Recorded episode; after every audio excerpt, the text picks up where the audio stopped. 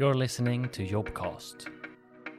So, my name is Hanna Mittleman. I work as the head of design here at Bontouch, and we are looking for uh, mobile UI and UX designers. At Bontouch, we have several studios at the moment. Uh, the Stockholm studio is, is uh, the biggest one, but we are in, in New York, in, in London, in uh, Kalmar, and Östersund. So we have uh, several studios around the world. We are focusing on uh, building experiences that are truly useful for our users. We want to create a, a great impact with the products that we release into the world.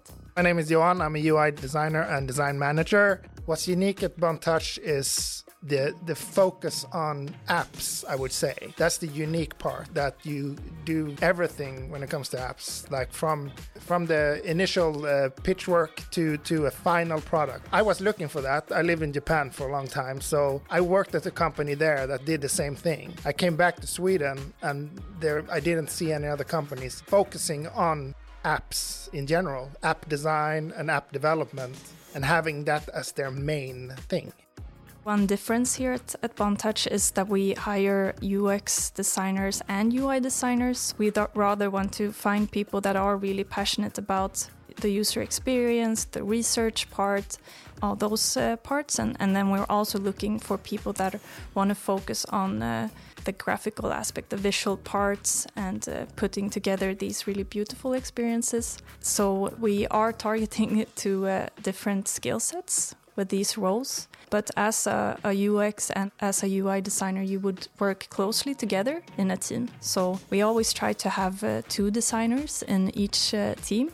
So you get to work together with someone that complements you in your skill set. So you would never work alone here in a pro project as a designer, but you would work together with someone that complements your skill set.